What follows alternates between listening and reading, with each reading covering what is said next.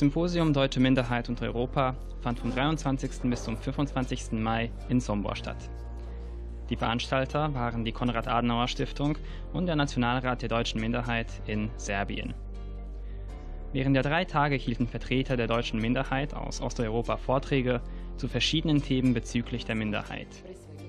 Darüber, wie die Lage der Selbstorganisationen ist, über das Schutzniveau der Minderheitenrechte sowie über Fragen der Mediendarstellung. Anwesend war auch der Beauftragte für Aussiedlerfragen und nationale Minderheiten, Professor Dr. Bernd Fabricius, der eine Festrede hielt. Heute konnten wir zum größten Teil die Erfahrungen anderer Länder aus unserem Umfeld hören, in denen die deutsche Gemeinde ebenfalls anwesend ist. Wir haben über unsere Erfahrungen gesprochen und es entstanden meiner Meinung nach viele Pläne und Ideen, die hoffentlich in der näheren Zukunft realisiert werden können. Ich möchte betonen, dass dies das zweite Symposium ist, das wir zusammen organisiert haben und dass wir hinsichtlich des ersten Symposiums große Fortschritte gemacht haben. Hoffentlich wird dies auch nach dem heutigen Symposium der Fall sein.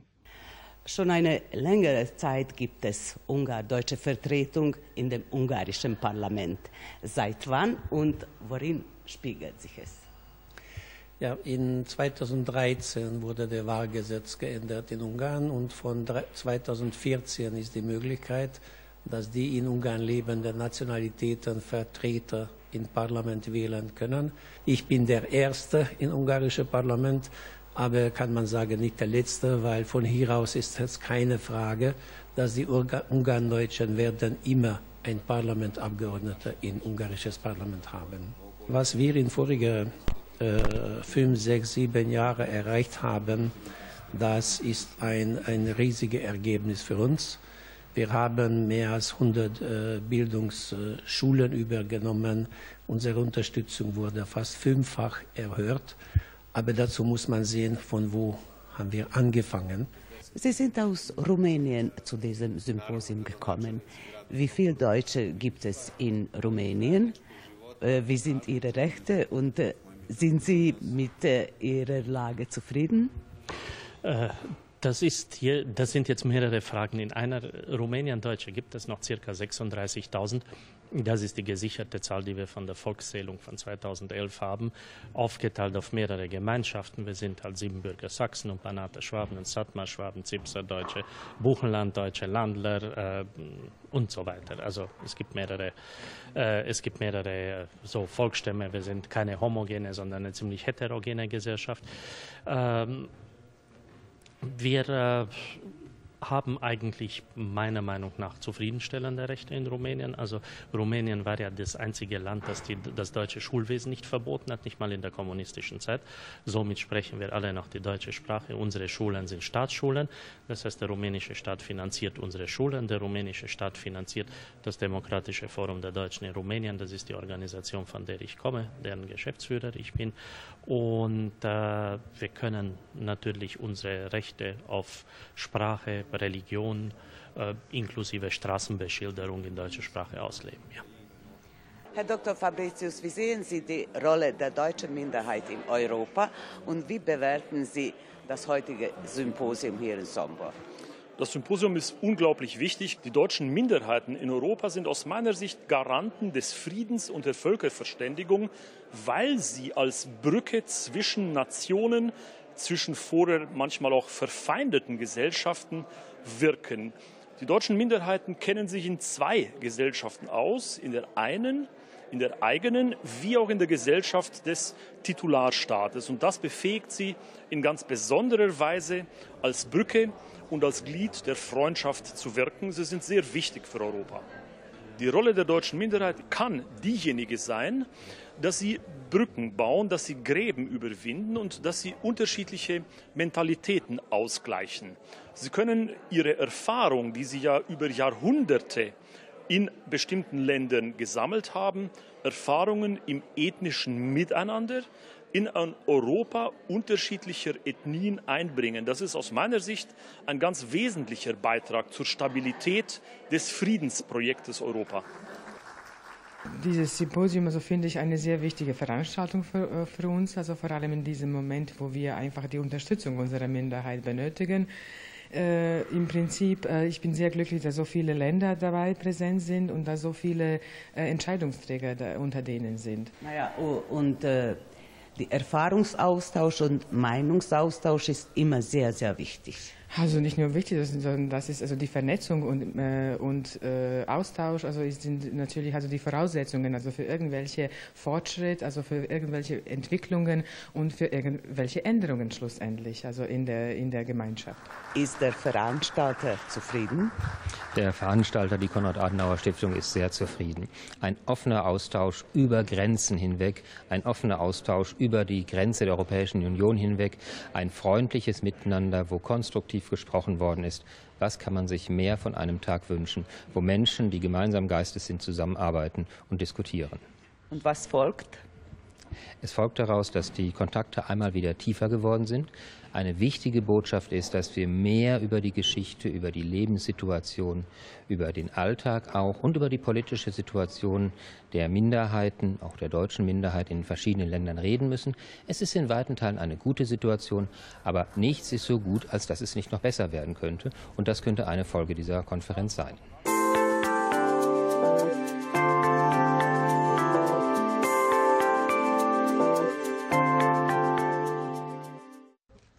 28. Mai eröffnete der Nationalrat der deutschen Minderheit feierlich sein Banatbüro in Großbetschgerig. Das Büro ist in den Räumlichkeiten des Haus Regina Zentrums untergebracht. Das Haus Regina ist einer der jüngeren deutschen Vereine, der sich zum Ziel die Förderung und den Erhalt des Kulturerbes der Donauschwaben aus dem Banat gesetzt hat. Der Einweihung des Büros wohnten der Präsident des Nationalrates der deutschen Minderheit Michael Platz und der stellvertretende Bürgermeister von Selenin Sascha Santowitz bei. Wir sind heute hier, das Büro des Rates der deutschen Minderheit für Banat zu eröffnen und von Großbergkirch ein Zentrum, das heißt eine Zentrale, ein Treffpunkt für die deutschen Vereine aus dem Banat zu machen und äh, sie dadurch mehr möglich in der Tätigung und äh, in den Projekten zu vereinigen, das heißt äh, zu vernetzen. Äh, auch dazu steht im Vordergrund die ähm, Entwicklung der Mitarbeit zwischen den deutschen Vereinen äh, im äh, rumänischen Banat und zwischen den rumänischen und serbischen Banat. Äh, als äh, Zentrum der Banate Schwabenhaus Regina äh, haben wir vor für diesen Sommer, das heißt mit Hilfe dieser, dieser Veranstaltung, dieser, mit Hilfe diesem Büro, verschiedene Programme zu veranstalten. Das Haus Regina ist nach der Mutter von Jimmy Stefanov benannt. Er hat das Haus seiner verstorbenen Mutter der Organisation zur Verfügung gestellt. Regina war Donauschweben und heute steht ihr Bild im Haus, das jetzt zum Zentrum der Banater Schwaben geworden ist. Stepanow ist als Maler und Grafiker in Deutschland tätig und er besuchte seine einstige Heimatstadt angesichts dieses Ereignisses. Meine Mutter, die leider vor vier Jahren gestorben ist, wäre wahrscheinlich euphorisch nochmal sterben. Vom, vom Glück, dass äh, sowas entstanden ist. Sie war ja fast lebenslang in, in, in München auch und ist eben im Geburtsort, wo sie geboren ist, auch gestorben. So dass das nicht weit weg ist von, von dieser Art, wie sie geprägt ist als Humanistin, als Tolerantin, trotzdem sie sehr viel gelitten hat nach dem Zweiten Weltkrieg. Und trotzdem war sie sehr so dieser Prägung Banater Schwaben und überhaupt diese Atmosphäre, was hier damals zu ihrer Zeit vor dem Krieg und nach dem Krieg. Bei mir ist das eine Art Fortsetzung, dass ich diese Linie auch, diese Art äh, Altruismus, offen gegenüber allen Nationen und keine, keine äh, strikte Be Bevormundung oder Bevorzugung äh, die deutsche äh, Minderheit. Selbst äh, die, die Verwandten in Augsburg und überhaupt, die nach dem Krieg ausgewandert sind, am gleichen Tag wurde auch die Wanderausstellung Ansiedlung der Donauschwaben in der Vojvodina eröffnet, die bereits in Sombor und Subotica zu sehen war. Gledate paletu. Izbor iz emisija na jezicima nacionalnih zajednica.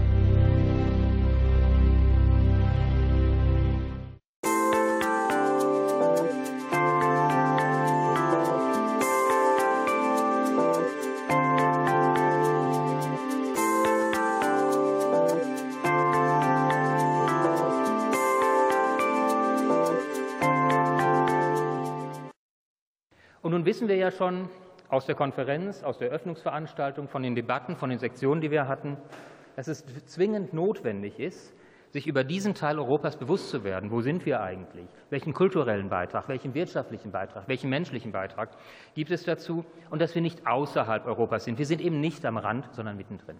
Und das ist ein entscheidender Punkt. Und deshalb wollen wir über Europa reden oder, wie wir es gesagt haben, in unserem Titel, wir wollen Europa erzählen.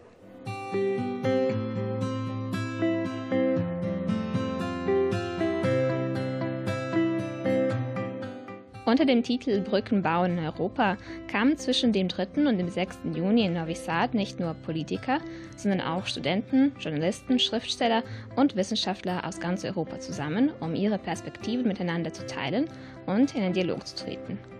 Die Konferenz der Konrad-Adenauer-Stiftung wurde schon zum zehnten Mal organisiert, doch zum ersten Mal außerhalb der Grenzen der EU.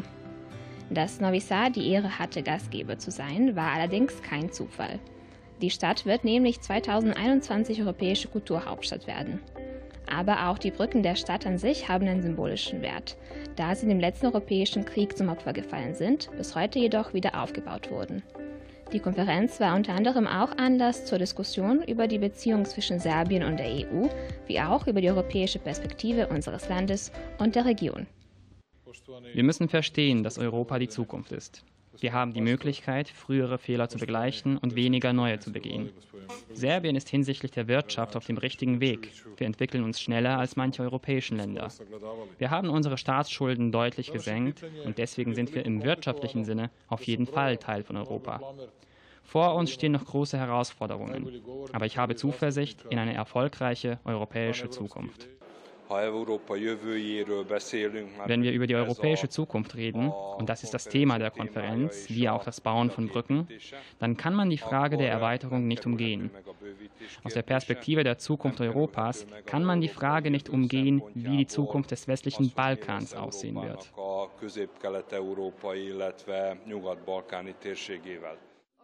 Anna Brnabic betonte, dass Serbiens EU-Integration höchste strategische Priorität habe, dass dieser Prozess allerdings kein Kurzstreckenlauf sei, sondern ein Marathon. Es müssen noch auf zahlreiche regionale Fragen Antworten gefunden werden, so die Ministerpräsidentin, doch die Regelung dieser Fragen eröffne ohne Zweifel zahlreiche Möglichkeiten für alle auf dem Balkan.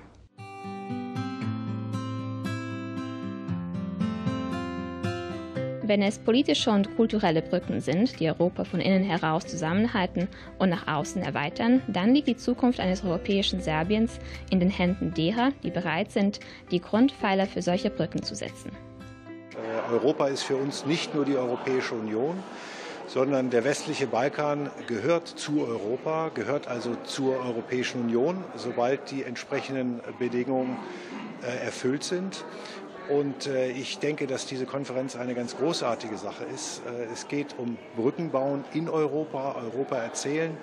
Äh, wir hatten jetzt bei der Eröffnungssequenz, war ja klar, es ist wichtig, Brücken zu bauen in der EU, aber auch zwischen der Europäischen Union und den Staaten hier im westlichen Balkan, die noch Mitglied in der EU werden wollen. Ähm, und wir sehen uns eben auch äh, hier die, die, die politische Stiftung äh, hier im Lande, aber auch die deutsche Botschaft, wir sehen uns hier eben auch als Brückenbauer.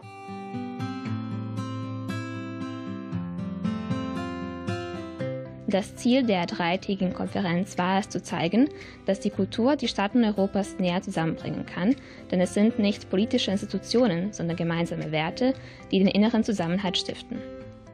Diese Konferenzreihe, die seit, seit fast Jahrzehnten stattfindet, ist eine, äh, muss man schon sagen, eine, äh, ähm, das Produkt der Einsicht der Konrad-Adenauer-Stiftung, aber auch anderer Partner. Äh, Einsicht in die Tatsache, dass äh, Europa äh, eben nicht nur ein politisches oder wirtschaftliches Konstrukt ist, sondern auch eine Kulturtatsache.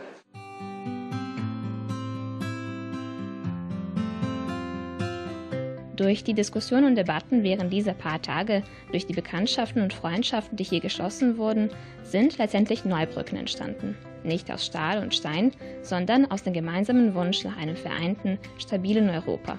Brücken, die Menschen über ihre Staatsgrenzen hinaus verbinden und den Weg Richtung Zukunft eröffnen. Das ist das Ziel, was wir uns gesetzt haben. Brücken zu bauen Menschen in Verbindung zu bringen, Geschichte, Kultur, Hintergründe, Zukunft zu vermitteln, ist uns bis hierhin gelungen. Ich bin zuversichtlich, auch morgen früh werden wir diesem Ziel noch ein großes Stück näher kommen. Wenn Sie draußen in das Publikum gehen, werden Sie sehen, dass eine gute Stimmung ist und die Menschen miteinander so tief im Kontakt sind, nicht mehr in den einzelnen Gruppen, sondern sich wirklich miteinander verbunden haben. Novi Sad ist ein fantastischer Ort für sowas. Diese Stadt hat mit ihrem Geist, mit ihrer Ausstrahlung einen großen Schritt Richtung Europa beigetragen, miteinander über die Grenzen der Europäischen Union hinaus.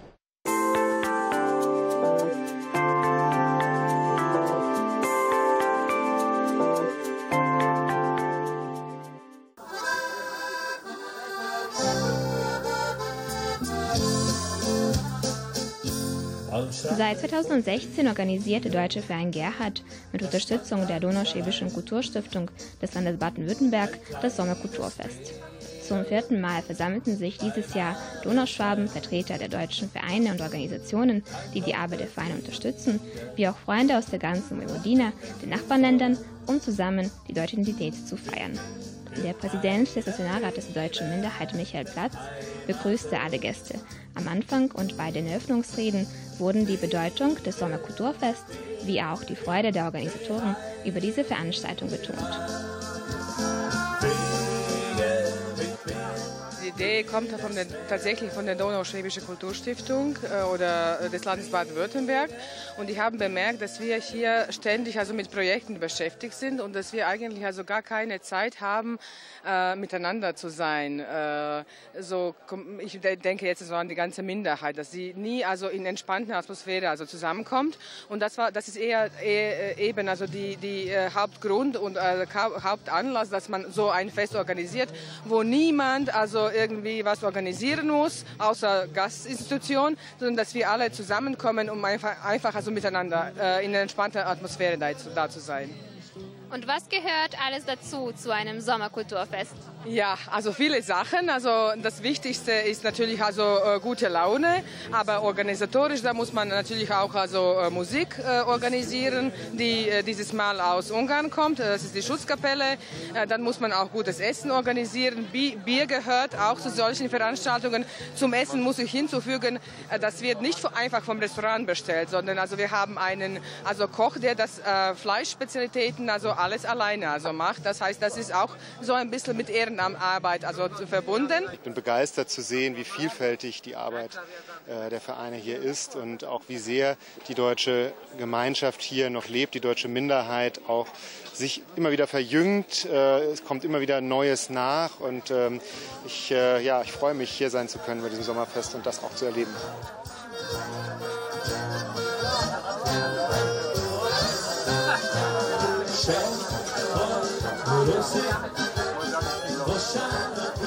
Wir sind sehr froh, dass also viele Vereine in der Vojvodina aktiv sind, die deutsche Minderheit zu stärken, vor allem im Sprachunterricht, in der Arbeit mit Jugendlichen, mit Kindern, im Spracherwerb und versuchen das natürlich nach Möglichkeit auch zu unterstützen. Die Zielgruppe ist die deutsche Minderheit. Also äh, alle Vereine sind eingeladen aus, aus Serbien, aber nicht nur aus Serbien, sondern auch aus umliegenden äh, Ländern, äh, vor allem also Kroatien und Ungarn, deutsche Minderheit auch, mit denen wir sowieso zusammenarbeiten.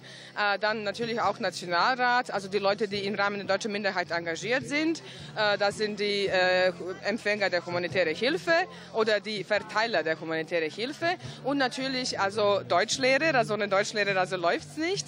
Und äh, wichtig zu sagen, und ganz großer Teil ist die Partner der deutschen Minderheit.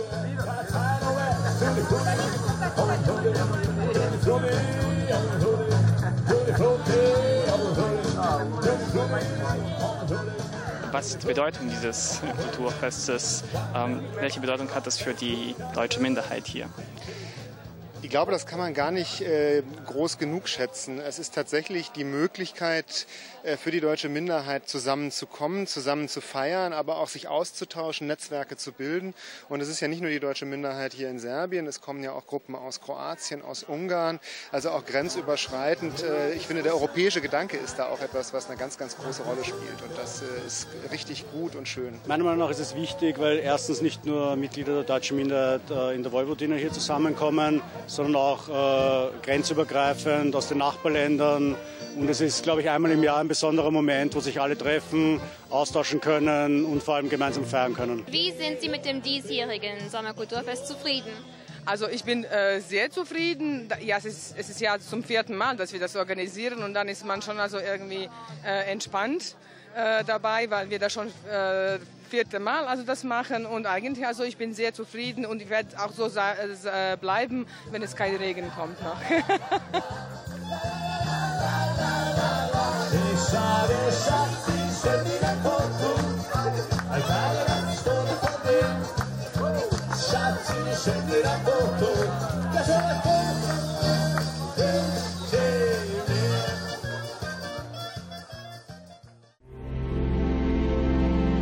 Gledate paletu. Izbor iz emisija na jezicima nacionalnih zajednica.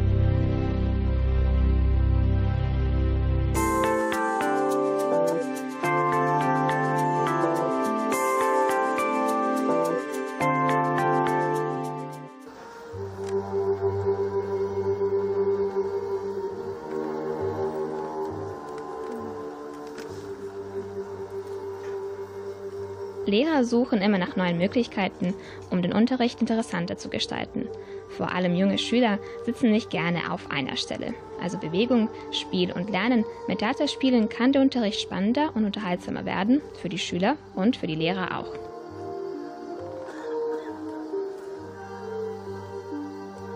Ich bin hier mit zwei Dozentinnen aus Rumänien und einer Deutschlehrerin aus Serbien. Wir haben oder wir werden bald eine Performance sehen, die Sie zusammen vorbereitet haben. Könnte ich Sie beide zuerst bitten, dass Sie sich vorstellen? Ich heiße Kata Bartalis, eben aus Klausenburg, bin Theaterpädagogin und Dozentin an der Uni Babelsberg-Universität. Mein Name ist Mirona Stanescu, unterrichte so wie Kotto an der Babelsberg-Universität in Klausenburg und meine Schwerpunkte sind tatsächlich Theaterpädagogik und Kinderliteratur an, der, an dieser Universität. Die Performance ist eigentlich das Resultat eines Workshops. Können Sie uns erklären, wie dieser Workshop ausgesehen hat? Das waren ein paar Tage, wirklich zweieinhalb. Äh, kamen wir zusammen und äh, im Rahmen einer Fortbildung, eigentlich Lehrerfortbildung, ähm, haben wir die Basiselemente der Theaterpädagogik ähm, angeschaut, ausprobiert, ähm, Methoden kennengelernt und anhand dessen ist dann wirklich im letzten Moment sind wir dann zu, zu einem Stück gekommen, was wir heute auch präsentieren werden. Haben Sie diesen Workshop auch anderswo ausgeführt, außer jetzt hier in Serbien? Ähm, wir sind jetzt zum zweiten Mal in Serbien. Wir waren auch letztes Jahr zur selben Zeit sozusagen und arbeiten immer wieder gerne mit diesen Lehrern und wir haben unterschiedliche Schwerpunkte. In diesem Jahr jetzt Inszenierung eines Gedichtes. Dies, diesmal von Goethe, den Zauberlehrling, werden wir spielen. Äh, Sprecherziehung und Bewegung und Musizieren für den Deutschunterricht. Wir äh, arbeiten aber tatsächlich oft auch äh, theaterpädagogisch und haben auch sonst äh, öfters theaterpädagogische Workshops. Das Seminar Verbindung von Sprachförderung und Theaterarbeit fand in den Räumlichkeiten des Vereins Gerhard in Sombor statt. In wenigen Tagen konnten die Deutschlehrerinnen, die im Seminar teilnahmen, über die ästhetische und theaterpädagogische Bearbeitung von Gedichten lernen, über Improvisation und Inszenierung im Deutschunterricht.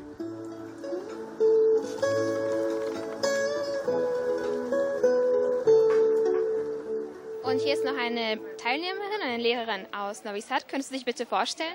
Mein Name ist Milica Mimic. Ich bin Deutschlehrerin einer, an einer privaten Grundschule in Petrovaradin. Und ich bin zum ersten Mal dabei, also ich nehme zum ersten Mal an einer solchen Fortbildung ähm, teil. Und ich muss sagen, dass ich überwältigt bin, was man in ähm, zweieinhalb Tagen auf die Beine stellen kann und ähm, wie man durch sehr kleine äh, Übungen und neue Methoden, was sich entwickeln kann. Kann man als Deutschlehrerin etwas mitnehmen und es in den Deutschunterricht integrieren? Auf jeden Fall. Und das ist auch mein Plan fürs nächste Schuljahr.